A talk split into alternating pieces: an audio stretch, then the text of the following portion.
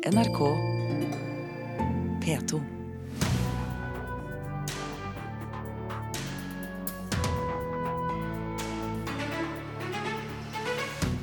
Arbeiderpartiet og KrF mener regjeringen er for passive i kampen mot ulovlig spillreklame.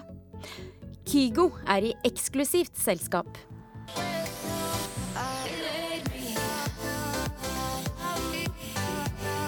Låta It Ain't Me er på tiendeplass på den amerikanske Billboard-lista.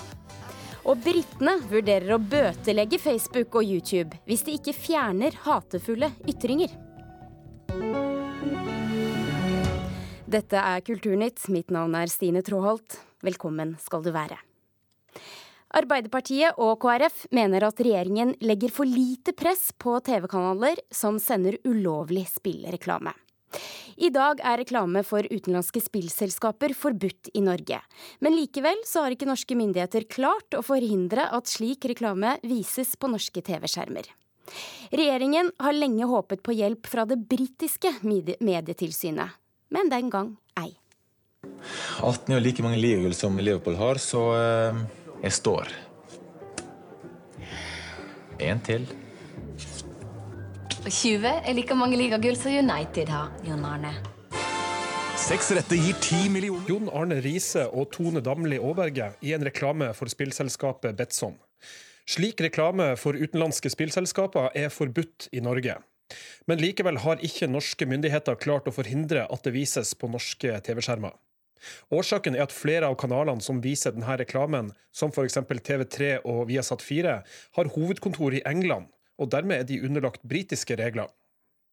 Norske myndigheter har bedt om hjelp fra det britiske medietilsynet til å stanse denne reklamen, men ifølge Klassekampen har de fått tommel ned. De fleste av de utenlandske spillselskapene holder til på Malta, og de bruker til sammen over 700 millioner kroner på spillreklame bare i Norge. Frykten til politikerne er at utenlandske spillselskap skal ta nye markedsandeler fra Norsk Tipping. De er nemlig de eneste som har lov til å reklamere for pengespill i Norge, og overskuddet går til idretts- og kulturformål. Ja, Det var reporter Oddvin Aune som orienterte.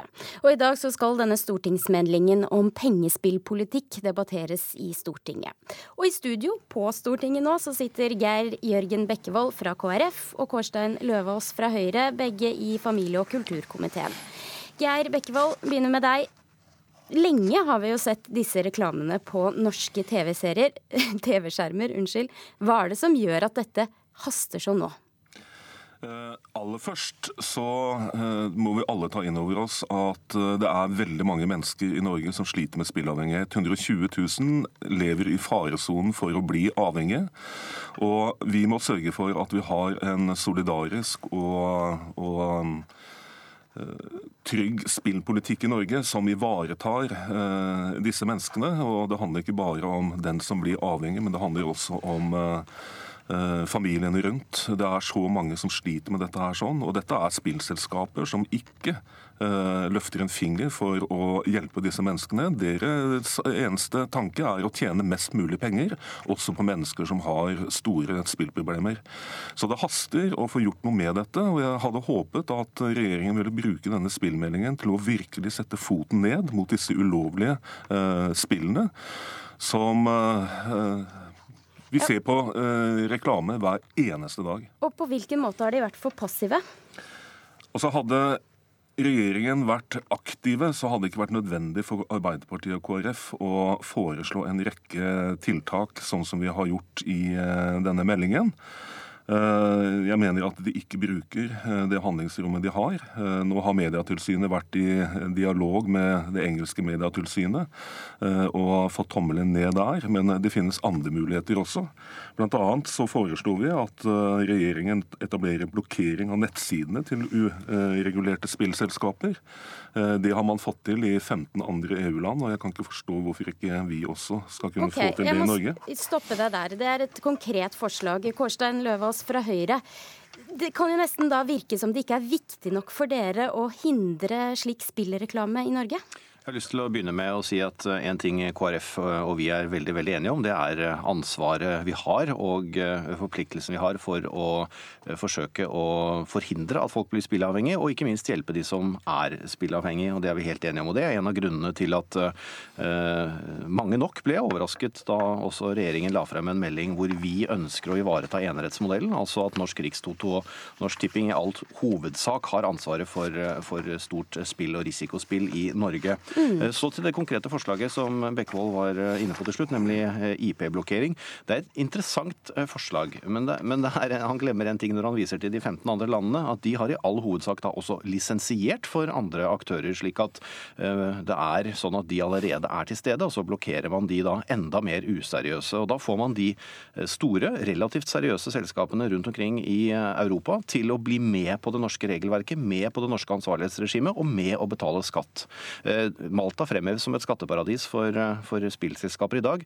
Vel, det virkelige skatteparadiset er jo Norge. Disse selskapene betaler null kroner i skatt til Norge i dag. Det kunne man fått til med lisensordningen. Men det har vi latt ligge nå.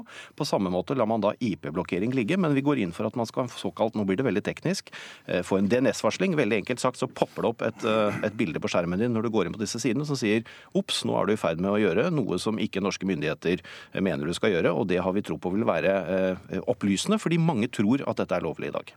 Men dere har prøvd å ta noen grep for å hindre dette, men det har ikke hjulpet. Dere, dere prøvde å få uh, hjelp fra britiske, det britiske medietilsynet. Hva, hva, var det som skulle tilsi at dette skulle gå? Det er eh, en mulighet innenfor regelverket eh, som Norge og alle land i Europa er en del av, såkalte AMT-direktivet, å ta, ta, kontakt med, altså sette i gang konsultasjoner med de ulike selskapene. Vi har gjort det i Spania, vi har gjort det i Nederland og vi har gjort det i England. I Spania førte det frem. Både Fox og National Geographic har, har, sluttet. I Nederland har vi ennå ikke fått svar. Det er MTV, MTV, som sender derfra. Eh, mens i England så førte det så langt ikke frem. Og det var jo ikke britiske myndigheter som nektet det, det var jo eh, TV-selskapene, altså eh, TV3, 5, Max, Discovery osv., som sa at dette gidder vi ikke å være med på. Og de tar jo da ikke det ansvaret som vi mener de bør ta. Geir Bekkevold, hva gjør man nå, når man står i denne klemma som man faktisk gjør? Man gir i hvert fall ikke opp. Det er så mange mennesker som sliter med dette her sånn at vi som politikere vi må bare lete etter eh, nye muligheter. Eh, det nevnes eh, AMT-direktivet. Vi har jo også Ja, det blir litt komplisert. Ja, du må være dette, mer konkret enn som så. Det er dette direktivet som, som det er et EU-direktiv som, som, regulerer dette, som har med spill og TV-reklame Som gjør at man kan stoppe? som gjør at man kan stoppe. Og jeg mener at Fortsatt så, så bør man ikke gi opp disse samtalene med engelske. Altså, vi snakker om, om uh, TV-selskaper som håver inn 500-600 millioner kroner i, i reklameinntekter for selskaper. Men snart for, for, men, har, vi jo allerede som ikke, er, som ikke er lovlig i Norge. og vi kan ikke bare rekke hendene i været og, og, gi opp, selv om vi har tapt i første sving. Dere er også enige i at det haster å ikke ja, men? Utfordringen, vi må ha det korrekt. AMT-direktivet gjør at man ikke kan stoppe. For det er altså et direktiv som gjør at reglene i det landet hvor TV-selskapet sender fra, det er de lovene og reglene som gjelder. Men man kan sette i gang samtaler. Det gjorde denne regjeringen, det gjorde ikke den forrige regjeringen. Vi har fått stoppet det i noen land, vi har ikke fått stoppet det i England. Så skal vi ikke gi opp. Vi skal jo fortsette, og vi skal se hvilke andre virkemidler vi kan ta i bruk. Men per i dag har vi ikke en knapp å trykke på som stopper dette. Nei, men man har klart å hindre alkoholreklame. Det er et veldig godt poeng. Det er helt riktig, og det ses også på i EØS-systemet som, det, som en helt annen Kan man bruke samme metoder her? Eh, foreløpig kan man ikke det, fordi eh, regelverket ser forskjellig på spillreklame og alkoholreklame. Det vurderes forskjellig i de forskjellige landene. Men jeg mener at det er et veldig godt poeng. Altså Det er sosialpolitiske hensyn som gjør at det ikke er lov til å sende alkoholreklame i Norge. Og jeg mener at de samme sosialpolitiske hensynene kan brukes som argument når det gjelder spillreklame. Og det her sånn, det må vi bare være i dialog med de andre EU-landene om. For jeg tror ikke det bare er Norge at det finnes spillavhengige mennesker. Jeg tror dette er noe som bekymrer eh, politikere også i, eh, i andre EU-land. Og det er vi enige om. Eh, dialog, og Det er derfor vi har en dialog. Men du har heller ingen andre Du har ikke noe annen lut å ta i bruk du heller, Bekkevold. Fordi man bruker de midlene man har. Man følger de lovene som er. Og teoretisk sett så kunne disse samme TV-selskapene ha sendt alkoholreklame under dekke av det samme, men de forstår nok at det ville skapt en helt annen opinion, så det lar de heldigvis være med. Løvaas, har regjeringen nå en tidsramme på dette? Nei, dette er et hadde nær sagt evigvarende arbeid. Det er jo et bevegelig mål. Antallet spill øker, antallet spillselskaper øker. Trykket øker hele tiden. Denne meldingen den er riktig for dagens bilde, men vi må jo følge dette bildet hele veien. Dette er jo ikke et politikkområde man kvitterer ut og så er ferdig. Her må vi jobbe utrettelig videre. Også med å forsøke å stanse den reklamen som er på de selskapene som sender fra andre land enn Norge. Tusen takk, Kårstein Løvaas og Geir Jørgen Bekkevold fra KrF.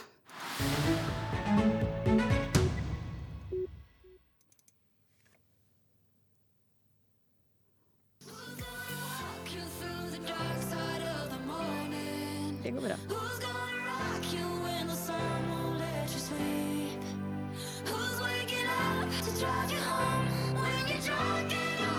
Og det som er bra, det er at reporter Gaute Sakariassen har kommet i studio. Vi skal snakke litt om Kygo. Dette er låta 'It Ain't Me'. Den er på tiendeplass på den amerikanske Billboard-lista. Gaute, er det noe som mange andre norske artister har klart?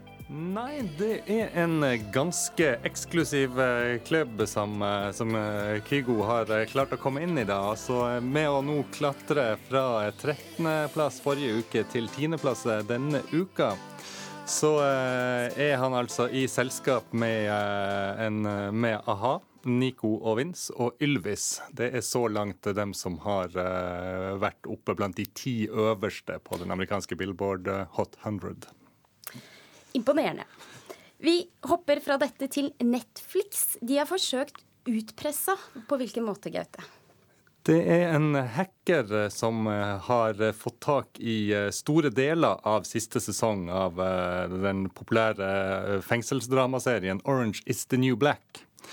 Og denne hackeren som kaller seg The Dark Overlord, skal ha krevd løsepenger for ikke å spre de stjålne episodene mer enn en måned før den planlagte premiera i juni.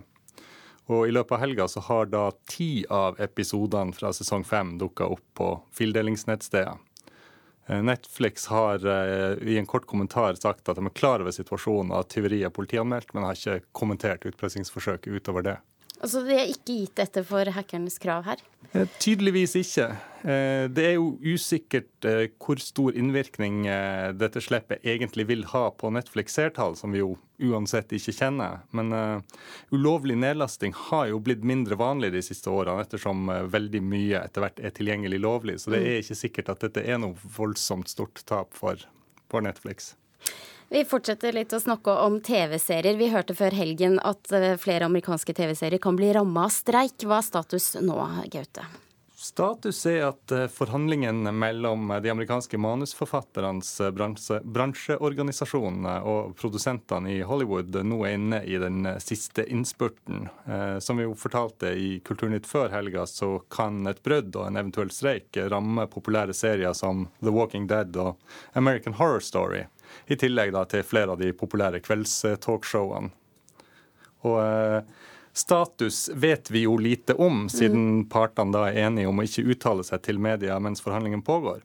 Men det er altså mindre enn én time nå til eh, fristen går ut. Så med mindre partene da blir enige om å la forhandlingen gå på overtid, så vet vi mer da. Tusen takk, reporter Gaute Zakariassen.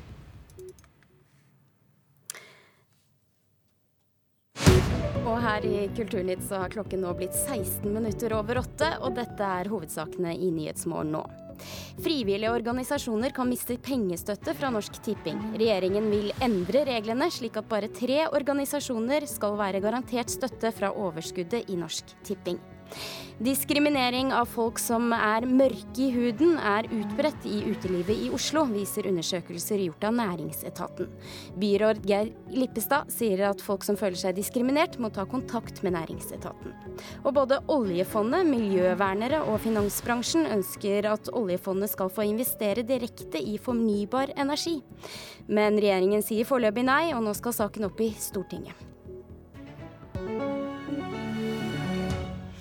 Og bli med videre her i Kulturnytt, så skal du få høre om en ny norsk roman inspirert av Munchs liv og virke, som er solgt til 13 land. Og det var rekordsalget av Skrik som inspirerte forfatteren.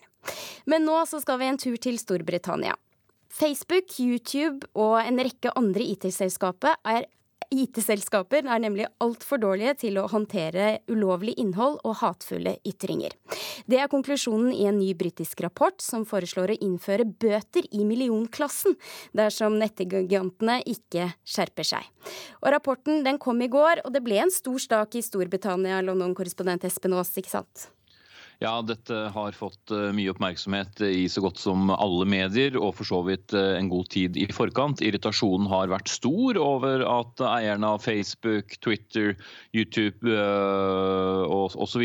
har kunnet ta inn så mye penger på reklame fordi at brukerne bruker deres plattformer så mye, men at de ikke ikke tar noe ansvar for hva som lastes opp, hva som deles, eh, og hva disse plattformene brukes til. Og Derfor så har da en rekke parlamentsmedlemmer i Westminster her i London gått sammen, fått utarbeidet denne rapporten, og så har de sagt at eh, dette kan ikke fortsette. Eh, de kan ikke eh, fortsette å få lov til å videreformidle alle disse hatefulle ytringene, overgrepsbilder og andre ulovligheter uten konsekvenser. Derfor bør de ikke bare kunne bøtelegges, men også i flere tilfeller rett og slett dømmes til å betale for etterforskning av straffesaker. Og, og hvordan skal dette gjøres i praksis?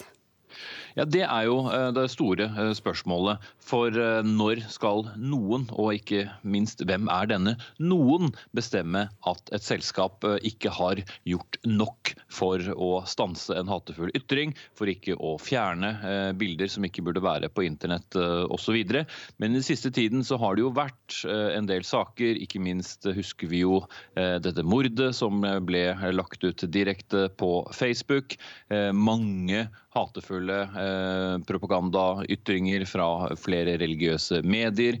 Uh, unnskyld, flere, flere, religioner. I mm. tillegg til at uh, vi også har hatt uh, mange um, andre tilfeller for politisk slagside på, på, nettet som ikke burde være der, på, helt på ytre høyre eller venstre side, uten at eierne har gjort noe. Eh, Facebook, Twitter, YouTube, Google har sagt at her er det opp til brukerne å si fra at de ikke har noen rolle. Men nå ønsker altså disse folkevalgte at uh, Facebook, Twitter og de andre må innta en mer form for uh, redaktørrolle, om du vil. Slik vi ser i TV, radio, nettaviser og, og gammeldagsaviser. Og det har jo ikke Facebook tidligere i hvert fall vært særlig lystne på. Hva sier de nå? Foreløpig har de vært forsiktige med å kommentere det, men en eh, tidligere medarbeider eh, som jobbet høyt opp i Facebook-systemet, lot seg intervjue av eh, BBC i går, og han sa at man må tenke litt etter. Hva er egentlig f.eks. Facebook eh, og Twitter. Hva skal du sammenligne det med? Er det egentlig det samme som et tradisjonelt eh, medium, eller blir det egentlig det samme som å gå til Posten og si at hvis ikke dere eh, damper og åpner alle brev som sendes via dere, og sjekker om det eventuelt sendes noe kriminelt, eller står beskrevet noe kriminelt i et brev, ja, så bør dere faktisk dømmes, idømmes bøter bøter eller få andre eh, straffereaksjoner. Så det er nok en ganske lang vei å gå mm. før vi vet helt hvordan dette skal eh, effektueres. Men å finne ulovligheter på internett er jo ikke nødvendigvis så vanskelig i seg selv. Og Avslutningsvis, Espen Aas, eh, hvor sannsynlig er det at myndighetene kommer til å innføre dette? Vel, eh, Her i Storbritannia har det nå i mange uker vært drevet eh, nærmest eh, kampanjer i en del aviser for å vise hvor mye propaganda som faktisk spres på internett. Det begynte først og fremst med radikal islamistisk propaganda, hvor avisene viste til at dette tjente faktisk Google, som er YouTube, ganske store penger på, fordi det var også annonser ved siden av. Det samme gjaldt flere andre nettsteder. Slik at følelsene her her er nok ganske sterke for at uh, disse uh, nettstedene, disse uh, portalene, disse plattformene må kunne ta mye mer ansvar enn de har gjort til nå. Det handler ikke bare om frihet på nettet, det handler også om ansvar på nettet. Takk, London-korrespondent Espen Aas.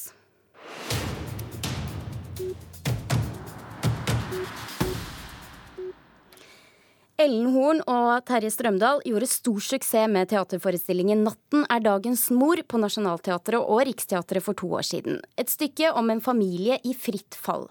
Og lørdag så hadde Nationaltheatret premiere på oppfølgeren til dette stykket. 'Kaos er nabo til Gud', heter det. Og dermed så er de to tilbake som ektefellene i et familieliv på randen. Teaterkritiker Karen Friesland Nystøl. Det er ikke så ofte vi får se en oppfølger på teatret. Det blir nesten som en liten liten TV-serie. Er det et godt uh, gjensyn? Ja, altså Det kommer an på hva du mener med godt, for dette er jo ikke et uh, lystig skuespill på noe som helst vis. Uh, denne trilogien, hotelltrilogien som de kalles, som Lars Norén har skrevet, den, dette 'Kaos av nabo til Gud' er da del to. Eh, en frittstående oppfølger. Så hovedpersonene har fått ulike navn. Det er de samme skuespillerne og den samme familien. Og på ti år har ganske mye skjedd. Mor hun har kreft og skal dø nå. Far han er like alkoholisert. Og yngstesønnen, som vi vel aner litt håp for i forrige forestilling, han har vært innlagt på mentalsykehus og har det, har det nok ikke så bra. Man må ikke ha sett det første stykket for å se det andre, står det på Nationaltheatrets sider. Er du enig i det? Ja, det er jeg enig i. Dette stykket står helt for seg sjøl. Det er et eh, nattsvart kammerspill som er gjort med en veldig fin regi av Kjersti Horn. Ja, og dette er da Lars eh, Norén, svensk dramatiker. Eh, hva har hun gjort med Noréns skuespill denne gangen? Denne gangen så har hun stengt publikum ute. Hun har rett og slett bygd et hus, laga en tynn vegg og scenen er bak denne altså tynne plastduken, denne veggen. Så vi ser skyggene til skuespillerne av og til, men selve huset er der. Og det eneste vi ser, det er det som en kameramann, for det går en kameramann der inne hele tida og filmer de. Og det han filmer, projiseres på husveggen. Så vi sitter liksom på en måte i nabolaget. Vi er naboene til dette kaoset og ser inn vinduene og ser kaoset utspille seg. Og det er faktisk litt godt å sitte på utsida, for det er så forferdelig det som skjer der inne, at den tynne hinna, selv om den er veldig tynn, den er litt god å ha der. Det er godt å være på utsida av disse fire veggene. og det nå styrer jo kameraet vårt blikk, bestemmer hva vi ser. Men i denne sammenhengen så syns jeg det er et veldig godt grep, fordi vi ser et oversiktsbilde, og så ser vi av og til hva som skjer i andre rom, og karakterene sine reaksjoner på det de har vært igjennom.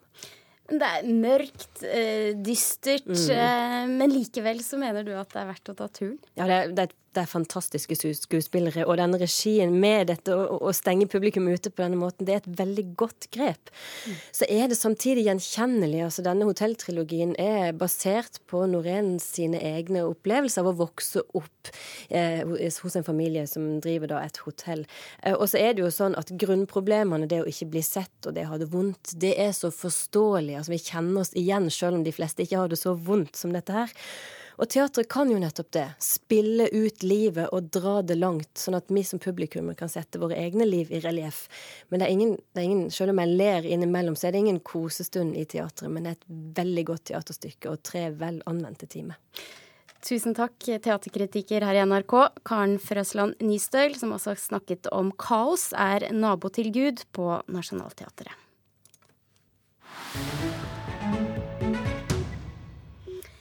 Det er flere ting som er med på å indikere at Edvard Munch kommer til å prege denne uka. Til helgen åpner utstillingen på Munch-museet, der Karl Ove Knausgård har kuratert Norges fremste billedkunstner. Og denne uka er det også en lanseringsfest i Munchs atelier på Ekeli for en roman der maleren står sentralt. På norsk så heter boka 'Malerens muse', eh, og det er det du som har skrevet, eh, Lisa Strømme. Velkommen til Kulturnytt. Ja, hei, tusen takk. Denne romanen den har fått en litt uvanlig fødsel, for den har allerede kommet ut på flere språk. Den er solgt til 13 land, og nå først så kommer den på, ut på norsk. Hvordan, hvordan har det seg? Ja, det har vært helt fantastisk og veldig surrealistisk i de siste årene. Uh, men det er helt fantastisk at jeg har kommet tilbake liksom, hjemme til Norge. Ja. Ja, du er Vi kan kanskje høre det litt eh, på deg at du, du er engelsk. Ja. Um, og det er kanskje en del av grunnen til at du har klart å mm. få den ut. Hvor, hvor, vanskelig har det vært å få dette til? Um, veldig vanskelig, for å si det sånn. Ja, hvis man skriver på engelsk, da er det veldig viktig å få en agent først. Ellers så går det ikke. Så uh, jeg måtte først få en agent, og jeg var veldig heldig uh, til å få en av de beste i bransjen. Han uh, representerer veldig mange kjente forfattere, så jeg, jeg kunne ikke, nesten kunne ikke tro det at han ville ha min manus. men etter at jeg fikk han, da, da skjedde ting ganske fort. Har Munch vært en døråpner for deg? Kanskje, ja. Det tror jeg. Eh, fordi at Skrik, alle kjenner Skrik, ikke sant. Så eh, ja, det er noe som alle er interessert i. Så det er kanskje derfor folk eh, vil lese den. Men hvorfor blander du Munch og hans liv og virke inn i en roman? Ja, fordi at han er så fascinerende, rett og slett, og veldig kreativ. og jeg liker å male og tegne selv, så det var noe jeg var interessert i. Og eh, ja, jeg prøvde å skrive. Han, eh, han eh, hadde en stor innflytelse på måten jeg skrev på. Og jeg prøvde av og til å skrive som maling, og liksom å imitere maling på et lerret. Så det var veldig gøy å skrive den romanen. Hva er det som gjorde at du fikk øynene opp for Munch da, i sin tid? Ja, um, det var da Skrik solgt i 2012. Da begynte jeg å være veldig interessert i han. Og da jeg begynte å lese om han og livet hans, da skjønte jeg at jeg kjente ikke han i det hele tatt. Og eh, jeg kommer til å bruke resten av livet mitt til å kjenne han. Eh, fordi at han var en fantastisk maler og kunstner. Hva er plottet i boka di, da? Det handler om et Eh, forbudt kjærlighet en sommer i 1893. Og det er en tjenestepike som blir vitne til alt som skjer den sommeren mellom Munch og en velstående ung dame som heter Tullik Ilin. Men når du skriver da om dette i romanform, og du blander det med virkeligheten, mm. eh, hvilke utfordringer gir det deg? Veldig vanskelig, fordi at man har et slags ansvar for de som eh, levde i virkeligheten. Og, eh, men man må huske på at det er en roman, og det er oppdiktet. Og, så man må bare prøve å glemme det mens man skriver, og bare bruke fantasien. Og hvordan er eh, Munch da i din roman? Nei, jeg prøvde å være så liksom, sympatisk til han som jeg kunne. Um, han var jo veldig intens og komplisert og sjenert. Så ja, jeg prøvde å skrive han sånn. Lisa Strømme, tusen takk for at du var med i Kulturnytt eh, og snakket om boken din, 'Malerens muse'.